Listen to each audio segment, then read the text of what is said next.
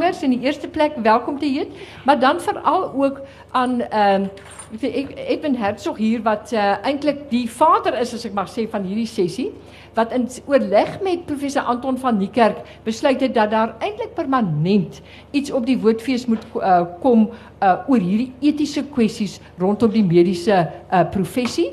Ek dink dit is 'n uitstekende idee.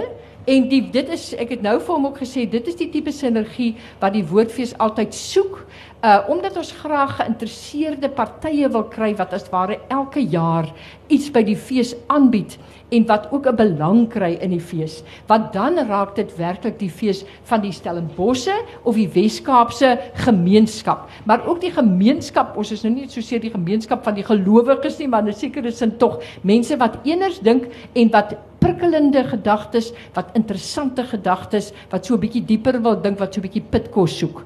En ehm uh, so ons is uh, enige iemand wat dalk in die saal sit wat ook wil kom met so 'n idee, ons is baie ontvanklik en baie vatbaar vir sulke voorstelle. Baie baie dankie daarvoor. Ek is opgewonde daaroor dat dit uh, nou iets is wat op 'n langer termyn gaan gebeur en daarom baie baie welkom aan die menere hier op die verhoog wat hierdie sessie nou vir die heel eerste keer aanbied by die woordfees en ek is seker dit gaan die begin wees van 'n baie interessante reeks. Anton gaan later publikasie daarvan maak, daar gaan navorsing oorkom. Ek dink daar is baie baie moontlikhede, nee, Anton? Ons gaan ons bes doen.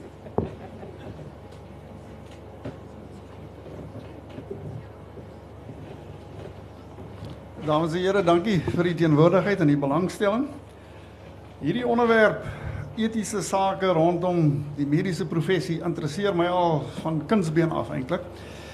Maar omtrent 20 jaar gelede het Price Waterhouse 'n internasionale konferensie gehou aan by Harvard wat ek ook na toe genooi was oor wat gaan die grootste uitdagings in die mediese wêreld wees vir die volgende 10 jaar. Dit is nou 20 jaar gelede al. En daar was so 3 of 4 hoofrigtinge geïdentifiseer waarvan ek nou deel was.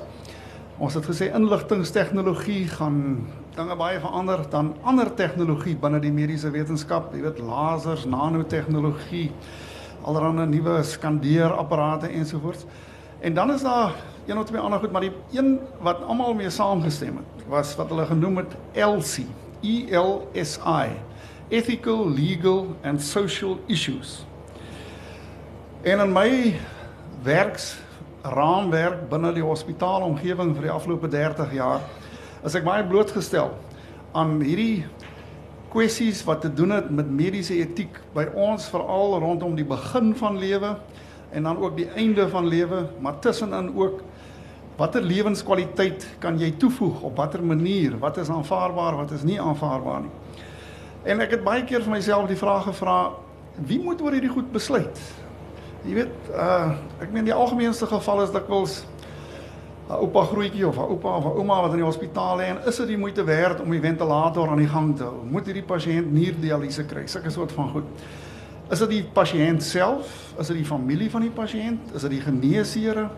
Is dit eksperte? Is dit 'n paneel van eksperte? Nou ek weet nie eintlik nie en daar's allerlei verskillende benaderings in verskillende lande, verskillende gelowe, selfs verskillende uh, mediese skole en so aan. Ek het twee vriende deur die jare opgebou, beide twee hooggeagte en hooggeleerde professore wat hier die verhoog sit wat ek net daarom kortliks vir u wil bekendstel voordat hulle dan nou die gesprek verder gaan voer. Ek gaan nie verder deelneem nie. Professor Anton van die Kerk was reeds professor op 35 jarige ouderdom hier by Stellenbosch. Hy is die direkteur van die Sentrum vir Toegepaste Etiek by Stellenbosch Universiteit. As student het hy alreeds die kanseliersmedalje verower. Hy was die redakteur van die Suid-Afrikaanse Journal of Philosophy. Hy is die president gewees van die Filosofie Vereniging van Suid-Afrika, voorsitter van die direksie van die Ethics Institute van Suid-Afrika wat onder andere baie goeie riglyne aan maatskappye verskaf oor etiese kwessies.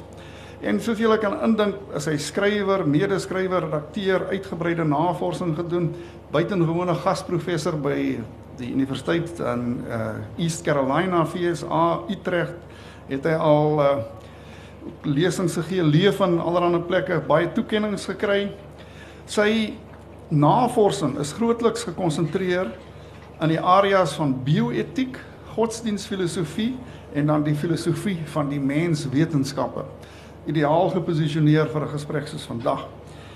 Dan hier naaste aan my professor Tinus Kreur wat ek leer ken het by Tygerberg Hospitaal toe ons saam kliniese assistente in opleiding was. Tinus het die hoof van die departement van reproductive biology van die Universiteit van Stellenbosch en Tygerberg Hospitaal geword in 1985 as 'n opgeleide ginekoloog.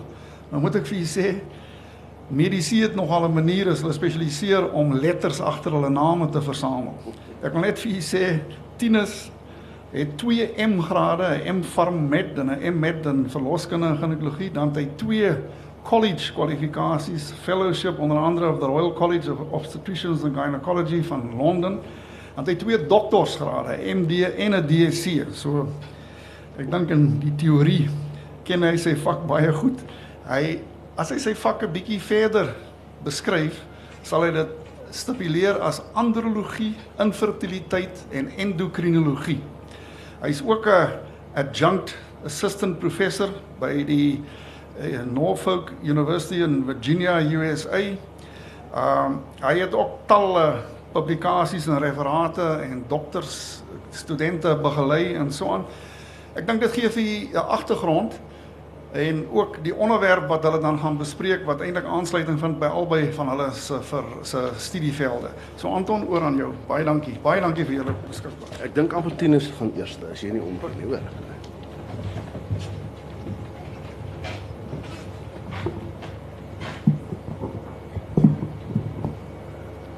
Uh, Dr. Hertzog, baie dankie. Ehm um, dis 'n voorreg om hier te wees en dankie vir die uitnodiging en vir hierdie inisiatief. Wil nou op 'n ligter noot begin. Ek ek gaan nou maar sê ons het mekaar in die teater leer ken uh, by Tygerberg, uh, soos wat julle weet, uh, Dr. Hertzog is 'n na gekwalifiseerde narkotiseer en ander velde oopgebreek.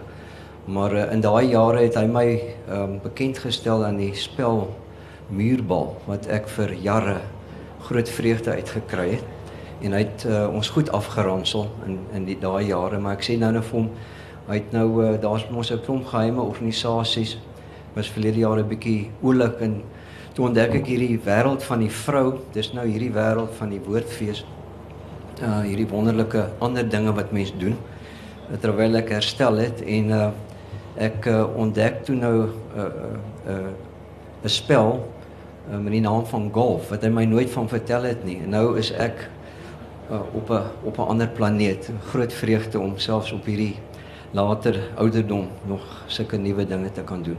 Ons gaan vanmiddag gesels um, oor oor daardie drie punte. Ehm um, Anton het dit uh, goed gedink om om om om hierdie onderwerp bietjie af te baken. Ek gaan uh, uh op die eerste twee fokus en en Anton sal dan ek dink heen en weer speel met met uh die uh etiek en die filosofie. Nou so 'n bietjie agtergrond, ehm um, net waar waar ons veld begin het of of die area waarin ek gewerk het en nog steeds werk.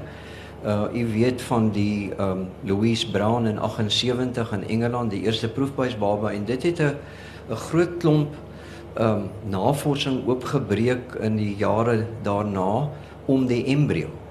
Uh want vir die eerste keer het Steptoe en Edwards gewerk met 'n klein embrio wat altyd in die mens se liggaam is en nou het hulle buite die liggaam gewerk en sukses gehaal behaal met 'n vrou met 'n uh, wyse wat uh, wat toe was uh om haar te help om swanger te word. Uh, die FSA het in 92 uh, gevolg. Dit is die plek waar ek nou nog 'n uh, bande het en uh, vir 'n lang tyd nou nog 'n uh, navorsing saam met die groep doen. En ons eie uh, ek kan maar sê Stellenbosch Universiteit Tygerberg Hospitaal Suid-Afrika se eerste proefbuisbaba was gebore 29 April 84 na ons so vir 'n jaar of 3 uh om die veldnavorsing gedoen het en in daai jare kon ek self in my spannetjie nie geld kry om oorsee te gaan nie so ons het regtig alles in 'n boek gelees en gesukkel en uiteindelik um sukses behaal. So 30 jaar gelede en um, daar het 'n lang pad gevolg van interessante navorsing en groot vordering in die veld en ek gaan dit so kortliks met u vanmiddag ehm uh, deel. So uh, toe ek en Anton gesels het, het ons nou gedink mens moet dit inkleer wat wat gebeur tans. En mens kan seker ehm um, daaroor filosofeer en argumenteer, maar die uitgangspunt van die medisy is om punt 1 daar altyd te probeer om uh verbetering te bring in gesondheidsorg. Ook so in die infertiliteitsveld waaroor ek vanmiddag gesels. En daar's 'n beginsel wat ek dink in narkose geld en in verskillende velde in die medisyne dat as ons die fisiologie goed verstaan, dan kan ons baie keer die pasiënt beter help. En ons gaan so 'n bietjie oor hierdie goed nou praat.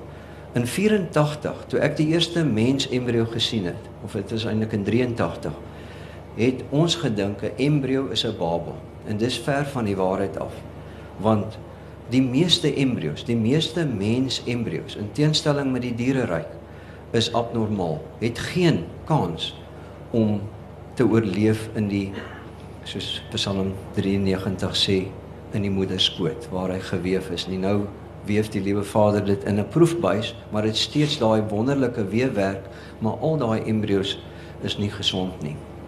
So, ek gaan nou oor drie goed gesels net om julle so 'n kort kursus te gee in in ons veld. Ehm um, die ovum, die eier van die vrou speel 'n rol in uitkoms.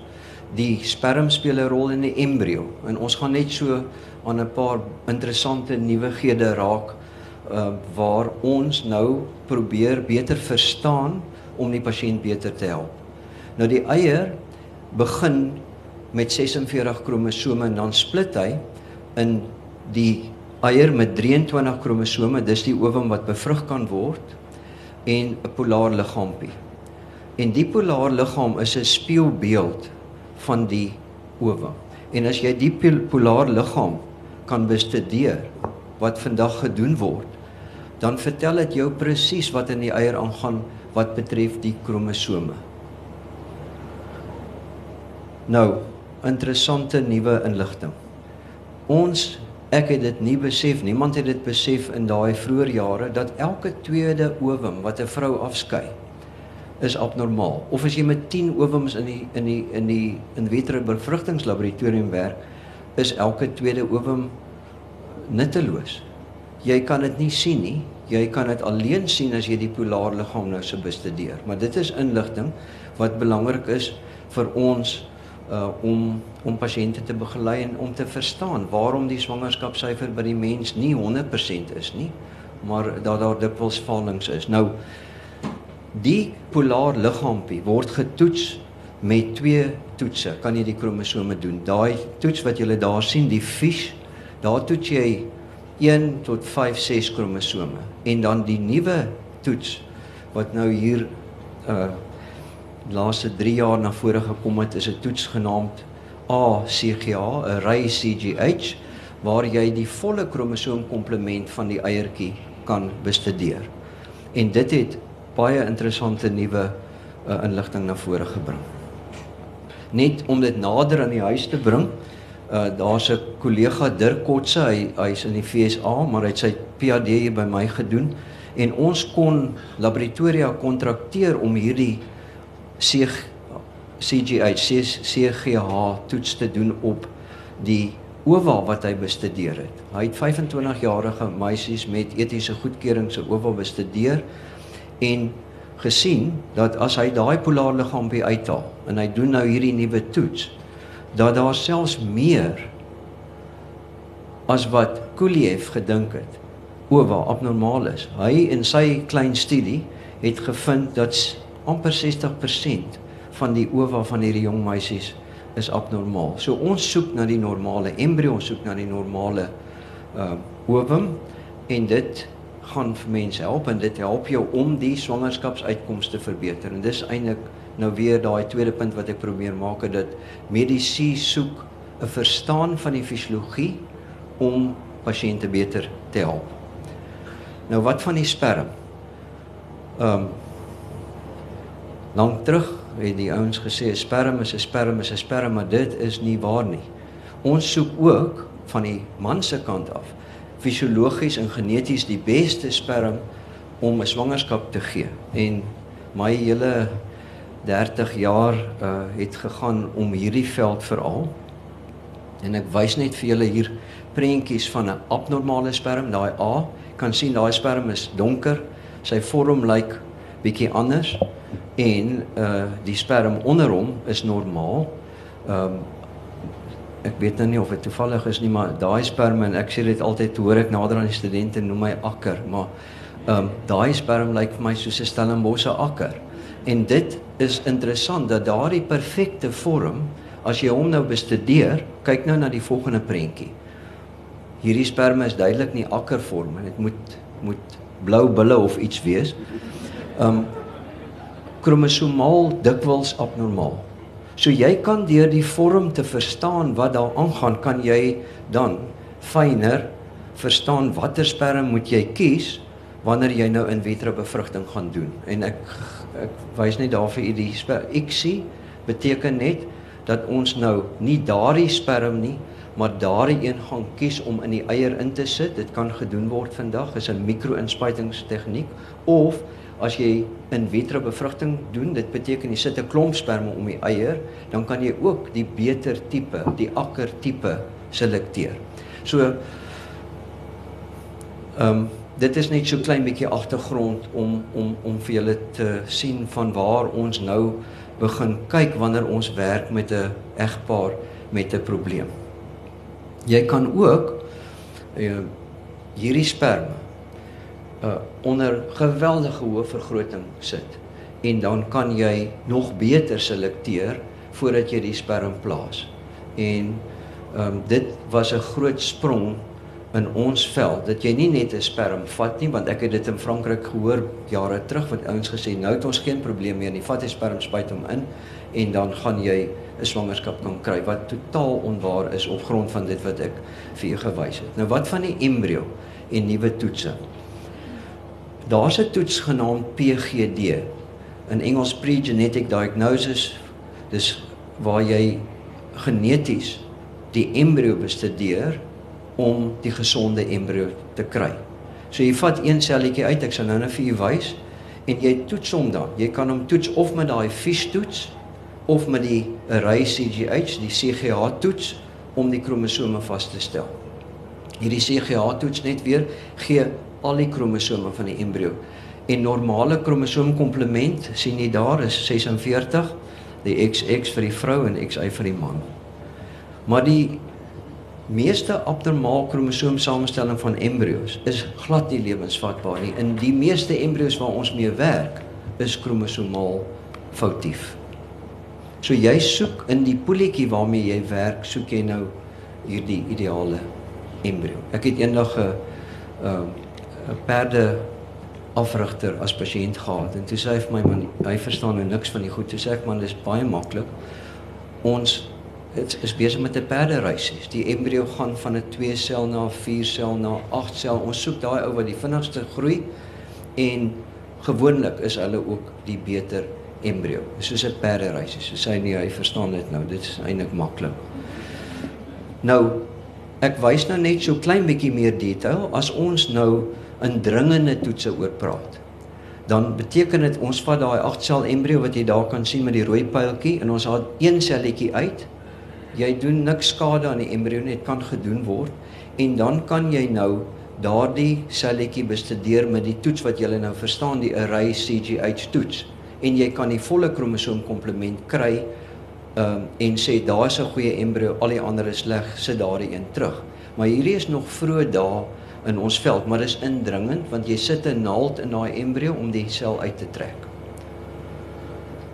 Nou, as jy onderlees daar, punt 1 Ons gebruik dus die blastomeer biopsie kan gebruik word. Dis nog nie in algemene gebruik nie om embrio's te selekteer om die swangerskap te verbeter. Nou wys ek vir u voorlopige data en dan as jy daar in die middel by die geel fokus, dan kan jy sien die array CGH, daardie groepie, 60% swangerskap, maar dis 'n klein reeks, net 30 pasiënte.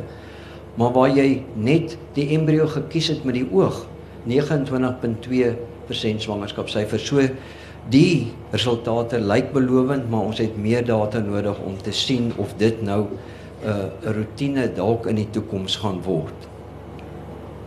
Ons gaan net aanhou met punt 2. Ons is nog besig met indringende toetse. So jy haal 'n sel uit. Waarvoor gebruik jy dit nog? Jy kan dit gebruik om kromosoomafwykings.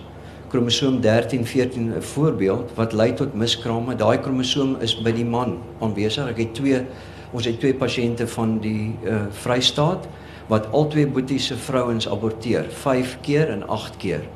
En toe het ons hulle getoets vir die miskrame en jy toets nou onder andere die kromosome van die egpaar gesien dis by die broers en dan kan jy hierdie toets die blastomeer biopsie baie gunstig gebruik, maar jy toets spesifiek net vir daai kromosoom.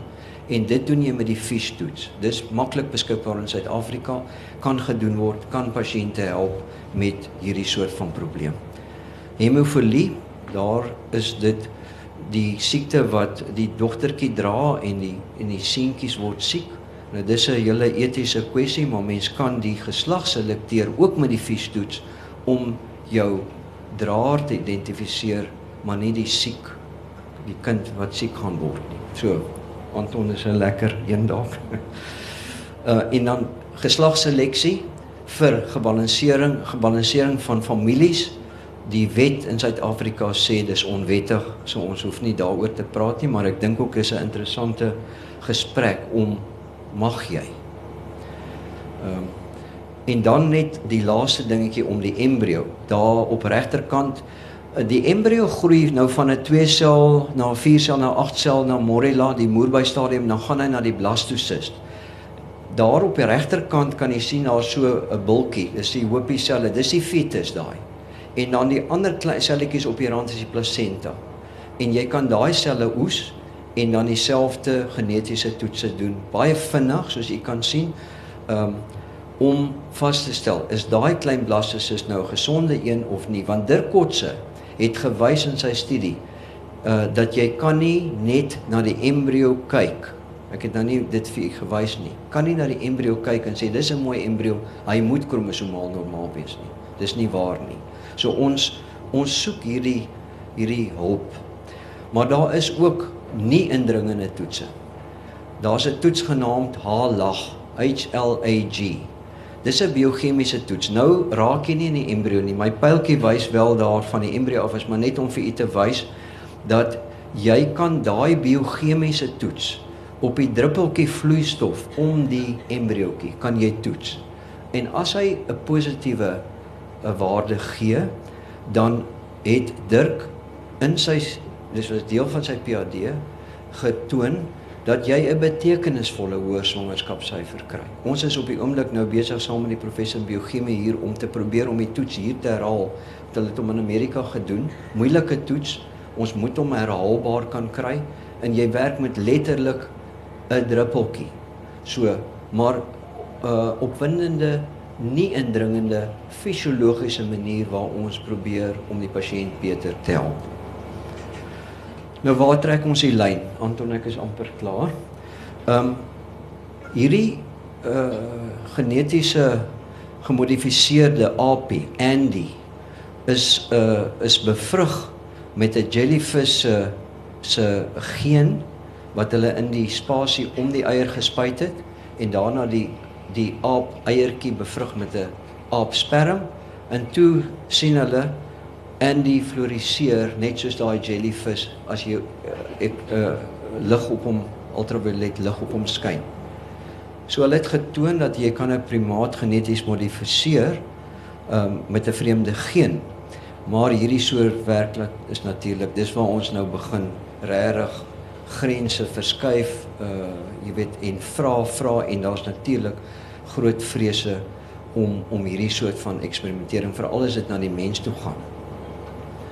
Studies op diere het gewys dat as jy kiemselterapie en wat 'n groot potensiaal het, uh en die verandering van gene in sperma of ova of embrio's doen, kan dit gevaarlik wees. En dis waar etiese komitees en en en so aan baie belangrik is om ons te lei. So die daar's 'n waarskuwing in die internasionale literatuur en jy kan die Engels daar vir 'n oomblik lees.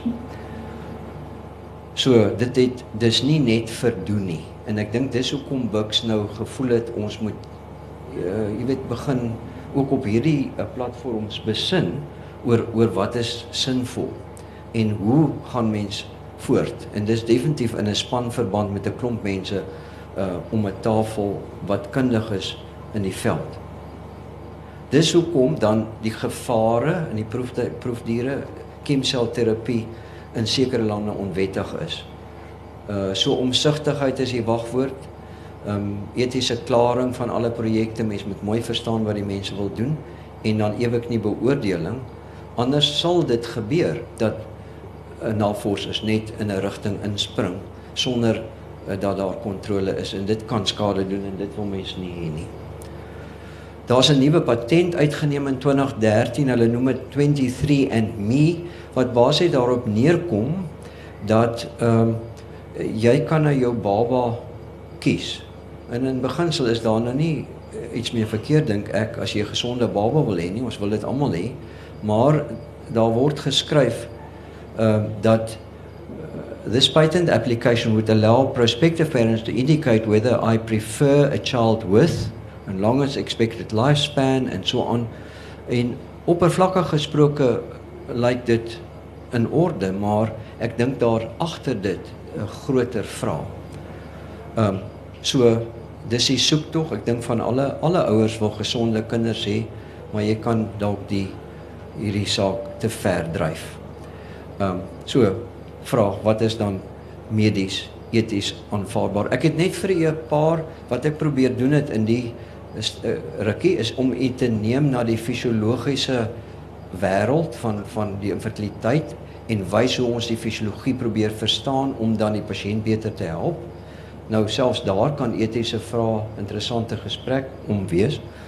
En dan aan die ander kant die die Andy storie net om te wys jy weet waar mense kan gaan en uh, daardie daardie artikel was in Nature in 2001 Ehm um, en dan hierdie designer babies wat wat die mense ook praat ehm um, wat dalk die grense soms te ver kan vat.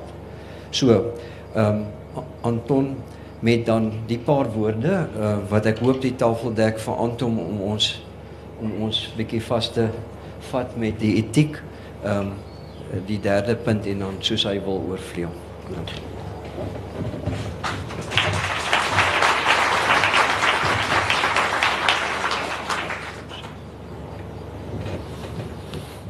Baie dankie Tinus. Ehm um, terwyl hulle die, my storie daar opkry, ja, sien sommer dadelik 'n spelfout.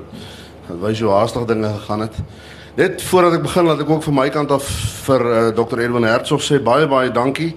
Uh, dis nie net soos Dorothea gesê het dat hy die vader van die idee is nie, maar hy is ook iemand wat sy reserves daar agter sit. Uh hy het in sy persoonlike hoedanigheid sowel as die Medikliniek groep wat hierdie geleentheid borg vir ons.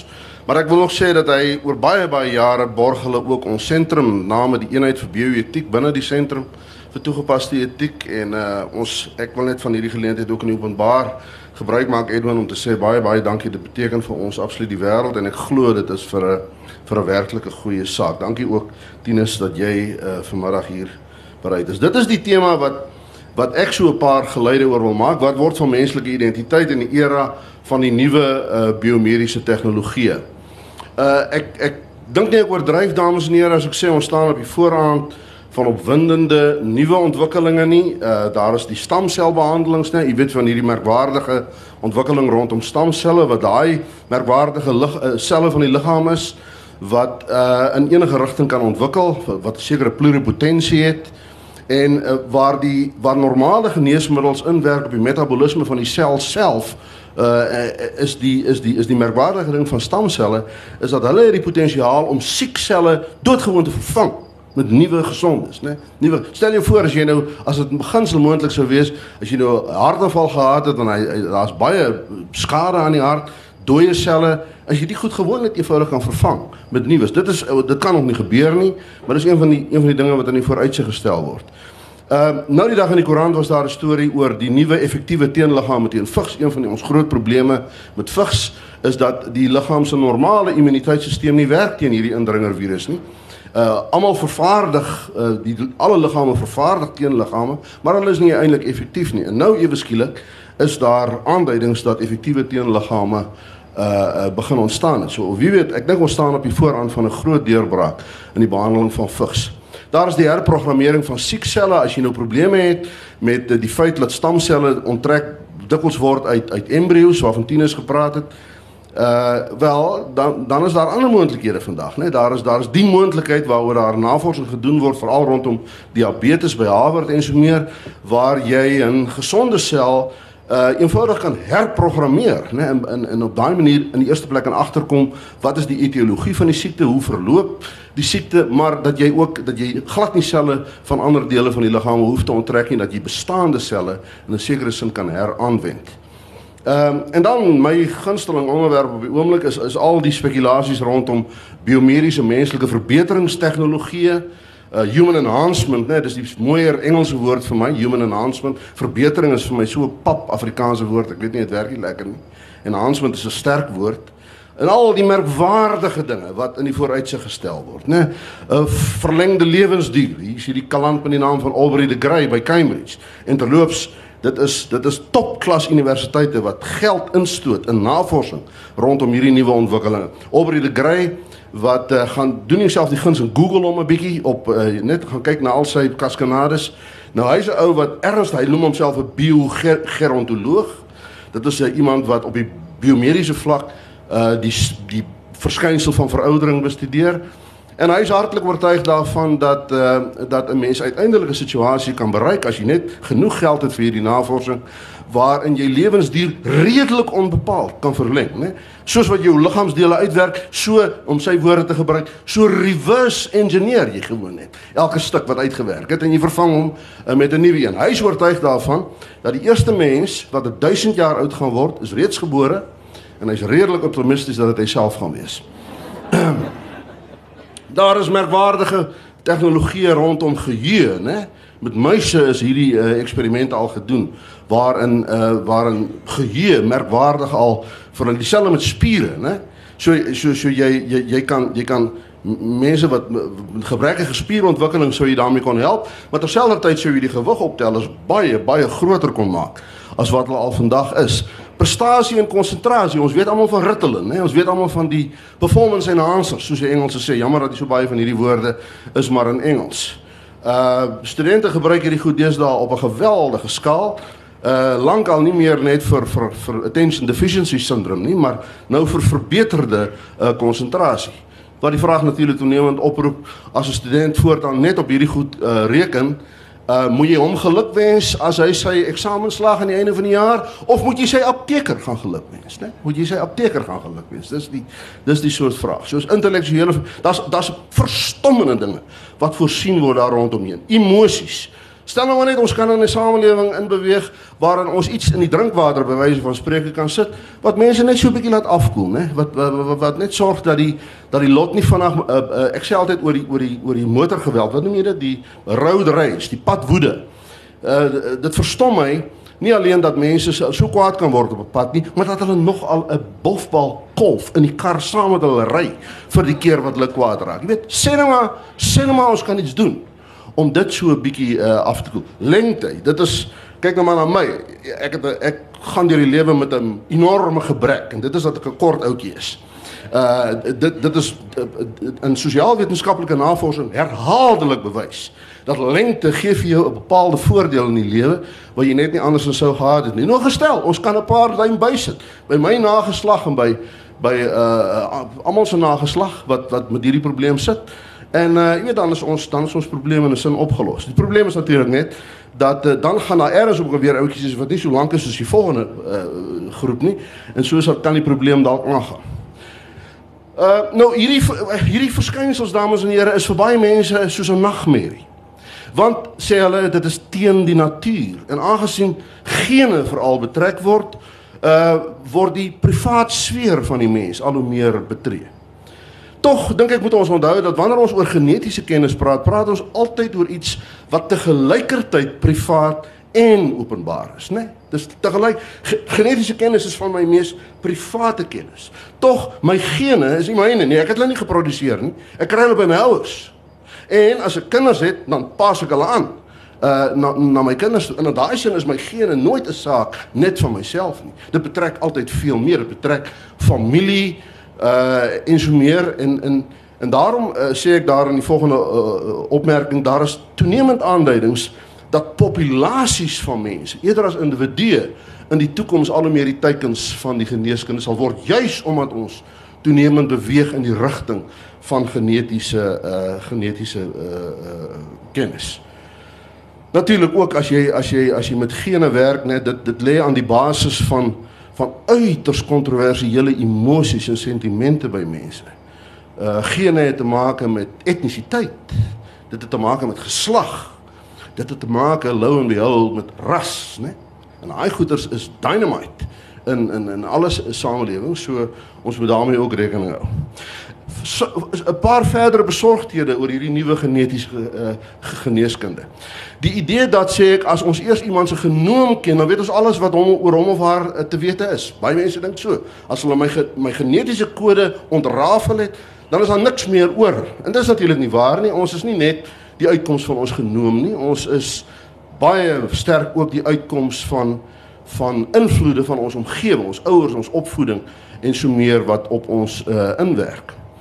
Ehm uh, daar is natuurlik in 'n in 'n bedryf soos die versekeringsbedryf geweldige belangstelling in genetiese kennis.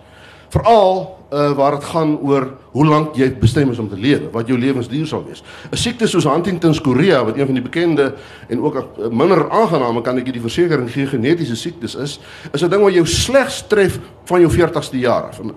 En, En en, en jy kan nou begryp as jy die draer is van daai geen en ou mutual besluit of hulle jou verseker, dan het hulle nog al 'n taamlike belang daarbey om te weet of jy dalk aan hierdie siekte ly. Nou, dit's allerlei interessante gevalle wat ek hier sou kon mee vermaak oor oor oor, oor hierdie kwessie, maar ek dink nie ons gaan vanmiddag oor tyd nie, so ek gaan maar eers daarby verby. Genetiese materiaal hoop ek nie ek verras u as ek vir u sê is uiters waardevol in monetêre terme en fortuine is al met genetiese materiaal gemaak. Ek weet sommige van julle het besmoontlik al die boek oor Henrietta Lacks uh gelees, né? Dit is 'n as julle dit nog nie het nie, kry dit gerus nie, as 'n verstommende verhaal. Hierdie vrou wat hierdie uh uiters ehm uh, uh aggressiewe, ek dink dit was wat 'n soort kanker tennis uh uh is oor nee uh een, een van die vroue vroulike dele. Ek het 'n vriend wat gesê het nie vroulike dele nie, maar vrolike dele. Maar in elk geval e, e, een van die vrolike dele gehad 'n geweldige aggressiewe kanker. En hulle het hulle het van haar sellyne in die proses geoes en daai goed is oor die wêreld hier in allerlei eksperimente en toetse en dinge is daarmee gedoen. Henrietta Lacks het nooit 'n enkele sent daarvoor ontvang nie. Sy was 'n arm swart uh, afstammeling van slawe in die FSA en uh, dit is verstommend watter geld al uit haar uit haar selle gemaak is. Soms word doodgewoon onverstandige dinge in die naam van die nuwe moontlikhede geregverdig. Hier is 'n voorbeeld. Jy kry twee dowe ouers. Hulle is lewenslank doof, doofgebore. Hulle sê vir jou: "Kyk, uh ek dink nie ek is ek is uh, uh wat is disabled in, in Afrikaans? Ek is uh ek is gestrem nie." Uh die die wêreld van die dowes is al wêreld wat ek ken. Ek dink dit is die normale wêreld. Ek, ek ek ken uh so hulle noem dit deaf culture, net dowe kultuur. Maar sê hierdie hierdie hierdie paartjie, hulle kan in beginsel nog eendag by tieners kom aanklop. En hulle sê vir ons graag 'n kind hê. Maar jy weet ons wil, ons wil 'n kind hê wat deel is van ons kultuur. Ons wil nie 'n kind hê wat deel is van 'n vreemde kultuur wat ons nie ken nie, die kultuur van die horendes nie. So ons wil graag ook 'n dowe kind hê. En met 'n pregenetic diagnosis waarvan hy gepraat het, kan jy nou daai gene in beginsel identifiseer wat bepaal of die kind sal hoor of nie. Dan dan selekteer jy die die gefertiliseerde ovum wat wat wat doof sal wees indien hy uh, gaan. Let op, die argument is nie dat jy 'n 'n potensieel horende embrio doof maak nie. Dan dan dink ek is die argument eenvoudig. Want dan dan besorg jy skade maar jy selekteer een wat as hy sou to term gaan, dan gaan hy in elk geval doof wees. Is dit eties geregverdig? Uh jy kan gerus 'n bietjie daaroor dink en miskien kan ons later daaroor gesels. Uh betree ons 'n terrein, dis die vraag wat liefs gelaat moet word. Kan ons met al hierdie nuwe tegnologieë nie moontlik uh, is dit nie 'n geval dat ons krap waar dit nie juk nie, né? Michael Sandel is 'n baie bekende bioetikus, politieke filosoof uh, van die Harvard Universiteit. En sy werk trek deesdae al hoe meer aandag vanweë sy argumente oor die onnodige wat hy noem sug na beheer en bemeestering en perfeksie wat agter verbeteringstegnologie lê. Hy sê dis die fundamentele probleem. Dis nie dat menseregte aangetast word of dat autonomie aangetast word soos wat die bioetiese gewoonlik argumenteer nie. Nee, sê Sandel, die fundamentele probleem is ons het 'n ons het 'n sug om bemeestering, beheer en uiteindelik perfeksie. Hy hy skryf van die hyperparenting wat jy in die FSA kry, né? Hyperparenting. Dis 'n oulike woord uh, uh ouers wat wat wat eenvoudig obsessief is daaroor dat hulle kinders die beste onder alle omstandighede moet wees. Nee sê Sandel, dis 'n dis 'n slegte ding. Dit impliseer te min nederigheid, te min erkenning skryf hy van die sogenaamde gawe karakter van die lewe.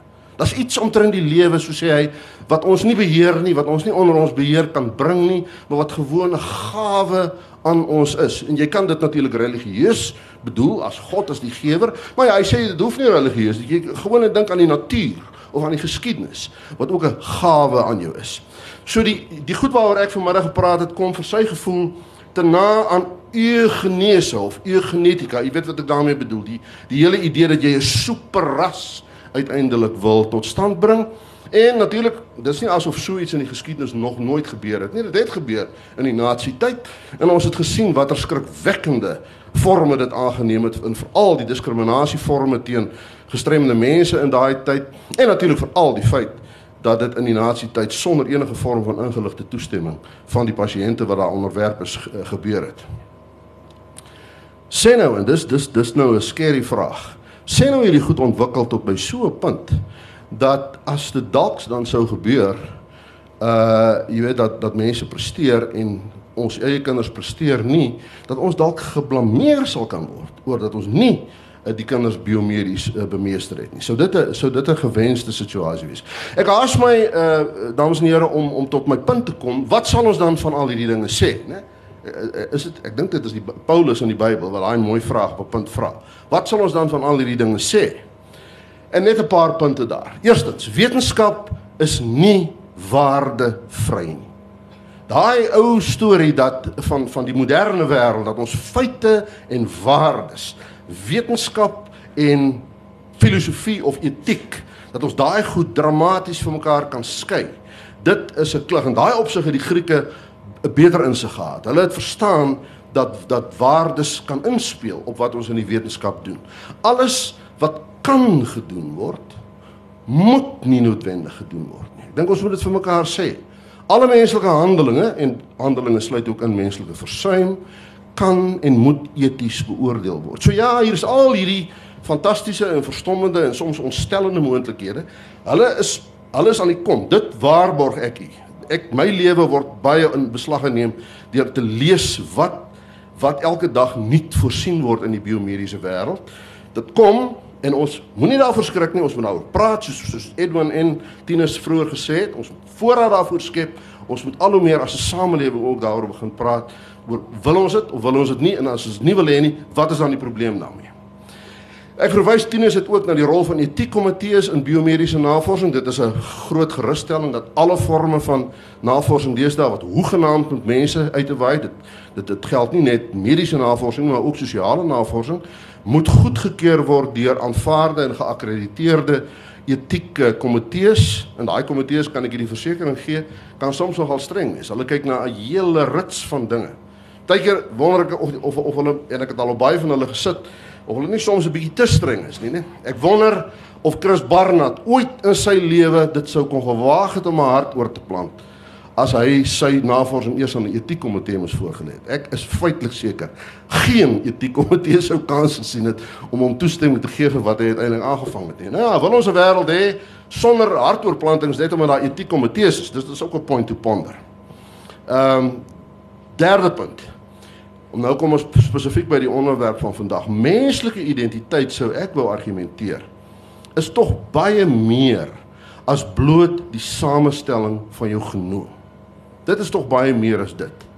Uh dit gaan nie oor die sogenaamde nature nurture debat, né? Wat is die belangrikste? Jou nature, hoe jy is van geboorte af of die uitkoms van jou nurturing, van hoe jy grootgemaak en gekultiveer word deur jou omgewing.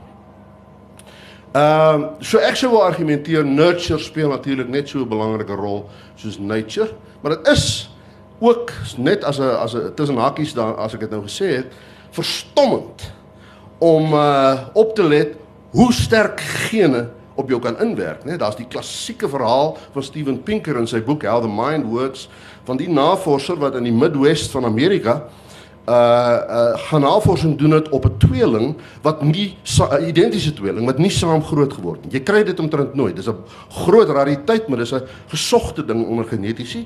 Want nou kan jy kyk na na na twee mense met presies dieselfde genoom, maar hoe het uh, verskillende omstandighede waaronder hulle groot geword het, hulle verskillend laat ontwikkel. En toevallig het hierdie twee mans, hulle was mans miljardige mans wat op verskillende klein dorpies in die Midde-Weste groot geword het, mekaar nog nooit ontmoet het nie. Hierdie navorsing gaan besoek hulle en hy ry met dieselfde ou kar na hierdie twee dorpies. En dan vertel hy dat toe hy die hulle albei ontmoet, blyk dat elkeen het dieselfde soort wat hy noem genoem het Twitch. Dat both became the captains of the fire stations in their respective towns. En elke keer eh, eh, wat een van hulle in sy kar ingeklim het, het hulle vir hom gesê daar's 'n fout met een van jou pistons, né? So het hulle oor daarvan. Twee mense wat mekaar nog nooit ontmoet het nie en 'n identiese tweeling is. So moet ook aan die ander kant nie die impak van die genoom uh, onderskat nie. Dit is ook soms verstommend. Ingeligte toestemming wat my aan betref bly die sleutel tot die respektering van menslike autonomie. Hier's baie etiese vrae rondom hierdie goed. Uiteindelik bly 'n onkreukbare beginsel van die bioetiek dat as jy met mense wil eksperimenteer, dan moet jy hulle toestemming kry daarvoor. Wat met my liggaam gebeur, daaroor sal net een persoon besluit en dis ek self, niemand anders nie. Dis ek self. Vyfde punt. Daar is 'n morele probleem dink ek met die enorme besigheid wat die verhandeling van menslike genetiese materiaal geword het. Ek het 'n probleem persoonlik daarmee. Nou sê ek 'n kontroversiële ding waarmee baie van julle waarskynlik nie sal saamstem nie, maar ek het nogal 'n probleem met die idee dat menslike weefsel verskriklik gekommersialiseer word. Ek dink menslike weefsel is 'n baie waardevolle ding. En as daar's niks mee verkeerd om om daarop da, uh, daarop te eksperimenteer nie en dit in dit wetenskaplik te ondersoek nie, maar dan dink ek moet dit wees op die basis dat ons dit skenk en dat ons dit nie verkoop nie.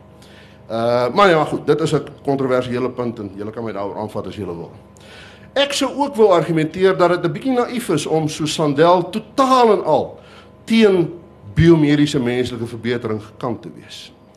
Uh dit dink ek is nie 'n vreeslike verstandige verstandige posisie om in te neem nie en daar's 'n paar redes daarvoor. In die eerste plek, ons verbeter onsself nog altyd vandat ons as 'n spesies in 'n herkenbare vorm in die wêreld verskyn het, is ons besig om onsself te verbeter.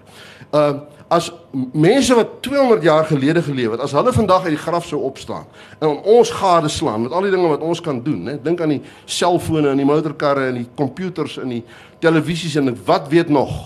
Hulle sal na ons kyk as supermense. Hulle sal sê julle is uh, julle behoort almal tot 'n spesies wat ons nie meer kan identifiseer. Wel, Uh hoekom kan dit dan nie oor 100 jaar of 200 jaar relatief tot ons ook uiteindelik gebeur nie? Dit gaan gebeur. Ek dink nie ons kan dit keer nie.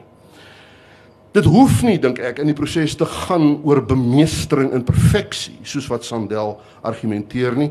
Dit gaan juis behoort te gaan oor die uitskakeling van lyding en die onnodige uh gebrek. Uh 'n kernvraag is wat is die doel van geneeskunde? En ek eh, sonder nou lank tyd daaraan te spandeer wil ek net sê my antwoord op daai vraag is geneeskunde is daar om lyding te verlig. Lyding te verlig. En ek dink as dit is die uitgangspunt hou, dat is natuurlik nie altyd so eenvoudig om alle forme van lyding duidelik onder een noemer te bring nie, maar ek dink dit is die uitgangspunt wat ons uh, behoort te aanvaar. Die onderskeid tussen terapie en verbetering is soms baie moeilik om te glo. Die die mense wat radikaal teen menslike verbetering is, sê terapie is in orde, maar uh verbetering is is fout, né? So dan is jy die oomblik as jy met die genesing van siektes te maak het, dan is die uh, die die die ehm um, navorsing in orde, maar die oomblik as jy wil kom met verbeteringe bo die vlak van die normaliteit, wel dan is dit dan is dit verkeerd. Dit lyk na 'n goeie posisie dames en here. Die enigste probleem is daai onderskeiding kan nie altyd konsistent gehandhaaf word nie. Laat ek vir u net een voorbeeld daarvan gee, die voorbeeld van inenting, né? Ons is al vir donkie jare besig in die 20ste eeu in elk geval om mense teen siektes uh, in te ent. En inenting is nie om 'n siekte te genees nie. Dis om 'n uh, immuniteitstelsel te verbeter. Dis wat dit is, né? Dis om 'n immuniteitstelsel te verbeter sodat hy beter in stand in staat is om 'n infeksie uh, te beheer. So die, die ons vermoë om daai onderskeiding konsistent te handhaaf is nie altyd daar nie. Daarom sou ek ten slotte wou argumenteer uh dat as dit gaan oor menslike verbetering is dit 'n verstandige houding om en ek het nie daarvoor 'n Afrikaanse woord nie om piecemeal uh daarmee om te gaan. Soos in evolusie. Evolusie, dit het daarin ons geleer, uh evolusie verloop nie volgens een of ander meesterplan nie. Baie mense dink so maar hulle maak 'n fout. Natuurlike seleksie werk nie so nie. Natuurlike seleksie het geen doel waarheen hy op pad is nie. Hy het net een doel en dit is om die gene aan die gang te hou, né? Om te selekteer vir die opsie wat wat oorlewing die beste uiteindelik uh, sal dien. En ek dink dit is die dit is die geheim tot hoe ons behoort moreel om te gaan met hierdie nuwe verwikkelinge. En dit is om maar piecemeal geval vir geval te kyk is dien dit regtig 'n positiewe doel? Wel, dan is daar nie 'n probleem mee nie. Of aan die ander kant, hoekom jy nou jou kind se oogkleur van van blou na bruin verander of wat ook al of die een klassieke geval wat ek keer teëgekom het, ek praat by by plastiese chirurge en uh en ek dink baie van hierdie goed is 'n bietjie obsoleet. Toe sê die een vir my, dis vreeslike tersake dinge. Hy het die geval gehad van 'n pragtige jong meisie, sy's 'n model, so 'n pragtige blond, perfekte liggaam alles. Maar sy kom eendag by hom aan in sy spreekkamer en sy sê vir hom: "Wie jy, dokter, my tweede en my derde toon is presies dieselfde lengte." En ek vind dit onuitstaanbaar, né? Ek vind dit onuitstaanbaar. Sal jy nie asseblief my derde toon verkort uh uh relatief tot die tweede een nie. Wat die chirurg toe vir my sê moontlik is, maar dis 'n almagtige operasie. Dis 'n terrible ding om aan iemand te doen. Hy het uiteindelik geweier, maar sy's daar uit en sy's na 'n ander plastiese chirurg wat dit wel gedoen het. Sulke onsin dink ek, jy weet, dit kan ons mos nou sê, wat die duiwel wil ons hoe mense op daai manier probeer uh, verbeter. Maar dit is my storie, jammer ek het dit miskien 'n bietjie langer gegaan. Ek ons hoor graag u vra. Baie dankie.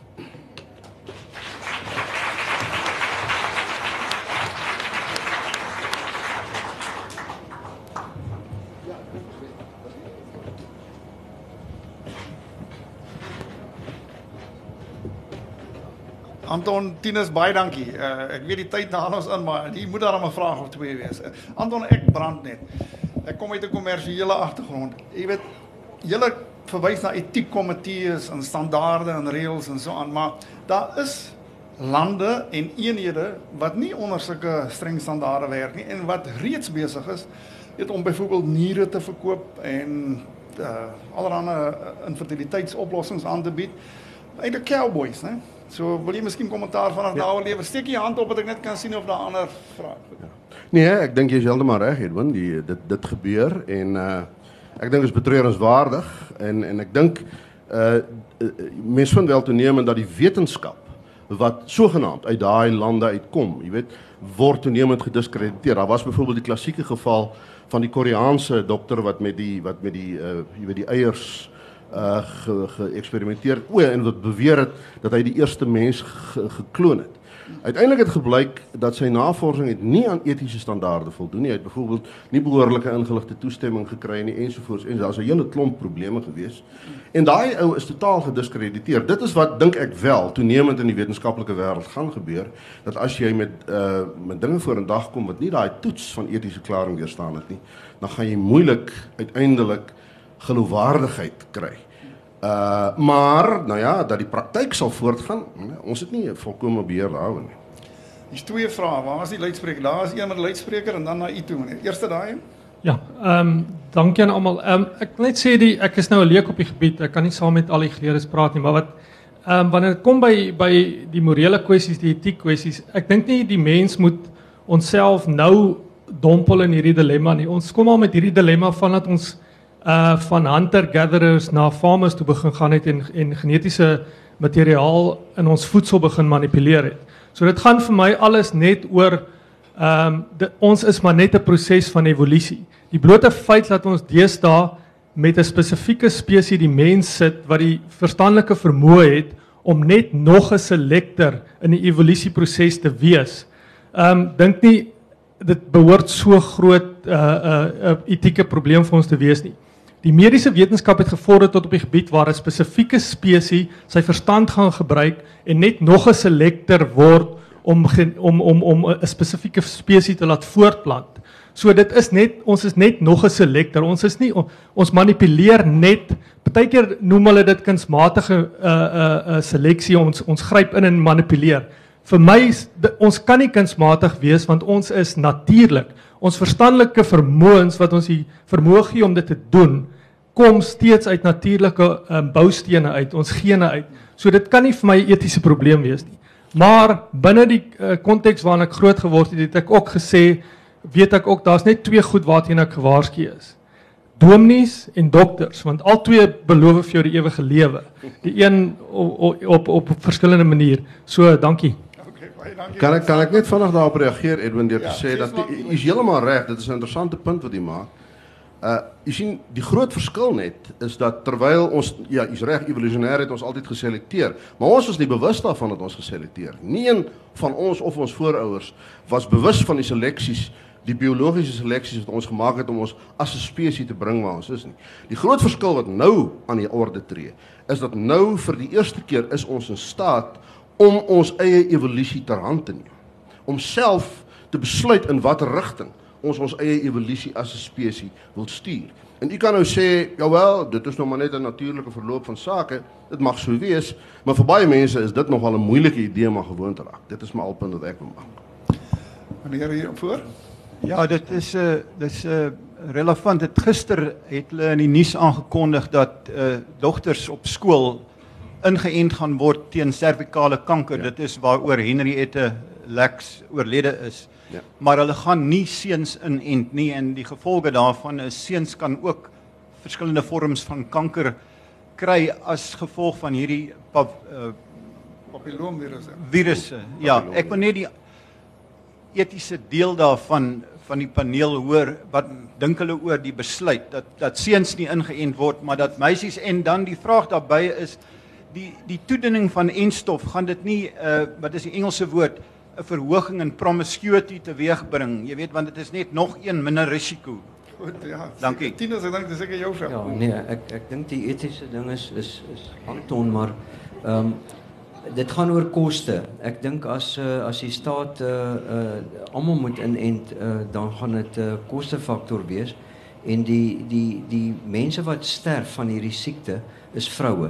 Jy weet soos jy die groot prentjie kyk, dan as jy dit kan keer by die vrou, dis die, een van die grootste redes vir sterftes van vroue in Suid-Afrika servikkanker, nie by die man nie. En ek dink dis maar die argument, maar u is reg as mens al twee kante kan beskerm beter. Maar ek dink is 'n pragmatiese besluit en 'n finansiële besluit. En die ander punt is natuurlik dat jy weet, mans kry nie servikale kanker nie. Daar is vir hierdie vir servikale kanker is daar nou hierdie enstof, maar daar is nou nie 'n jy weet ek sê nou maar 'n enstof vir 'n ander vorm van kanker. Dit hang maar af van wat uiteindelik beskikbaar kom en hoe effektief so iets sou kon wees nie uiteindelik. Tinus, wil iets oor die Ja, wou bevordering van promiskuïteit sê? Uh, ek wou eintlik net uh, die vorige uh, spreker net vinnig geantwoord het en dit is verstaan sy argument, maar as jy kyk na die uh, die die kwessie van uh, hierdie blou aapie en daai soort van verbetering of of ehm uh, ja, daai daai beginsels kan jy skade doen. Die vraag is of jy met jou navorsing verbeter want uh, as as jy almal uh, kans gee om te doen net wat hulle wil, uh, raak dit to, kan dit totaal chaoties en gevaarlik raak en ek dink daar is 'n fyn balans en ek het dit probeer net uitlig en ek dink wagters op die mure help tog. Maar uh, sy ander argumente het ek verstaan. Die hele kwessie Tinus om seks veiliger te maak, is dit uh Ja, ja, jy weet um, ek ek dink uh, jy weet daar uh, kom jy terug na die na die ouerhuis, na opvoeding. Ehm um, en dit is so dat met veelvuldige geslagsgenote uh het vroue ehm het vroue gesterf. Ehm so ek dink dat die enstof gaan nie promiskuïteit noodwendig vererger nie want daar's ook ander siektes uh, wat ter sprake is in in losbandigheid.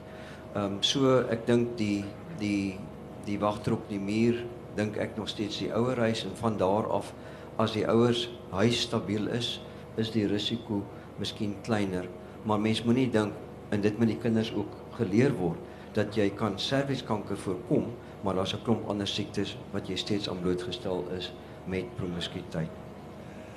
Ek weet as ander programme wat al 1 uur begin het, so as mense moet loop, ek, ek lyk my ons het daarom uh ons het nog so 'n bietjie tyd. Dis nie nou direk 'n program na ons nie. So hier hier om die hoek, ja, is die luidspreker. Maar ons sal seker daarom moet begin klaarmaak, né?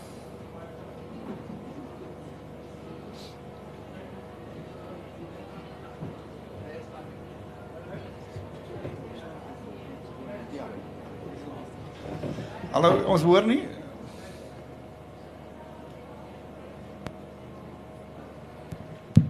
Oor die, die vraag was oor die invloed van nature versus nurture. Ek dink dis 'n verkeerde vraag. Want sekere eienskappe is baie meer beïnvloedbaar deur die omgewing as ander. By plante en diere weet ons dit, by mense weet ons dit ook. Ons hoef net te verwys na die oogkleur. By oogkleur kan jy niks verander nie. Hy's of blou of groen hy's invloed die omgewing geen invloed nie, maar by haarkleur byvoorbeeld. Hy's baie definitief onder die invloed van die omgewing. En dit maak heeltemal 'n nuwe veld oop in die genetika en dit is die sogenaamde epigenetika. Dis die oorerwing van verworwe eienskappe. In die verlede is dit gesê dat verworwe eienskap word is nie oorerfbaar nie, maar die nuutste uh, inligting wys daarop dat bepaalde eienskappe wel deur invloed die invloed van die omgewing oor oorgeerf word. So dit is 'n totale nuwe veld wat ook nuwe etiese en werklik wetenskaplike vrae opgooi. Dankie. Ja, nee, dit is stel so. Wil een van julle kommentaar lewer? Ek dink dan moet ons seker afsluit. Uh, hulle moet die lokaal voorberei vir die volgende vertoning blykbaar. Baie baie dankie vir u deelname. Ek is oortuig ons gaan nog verdere gespreksessies nodig hê vorentoe. Dankie. Baie dankie. dankie.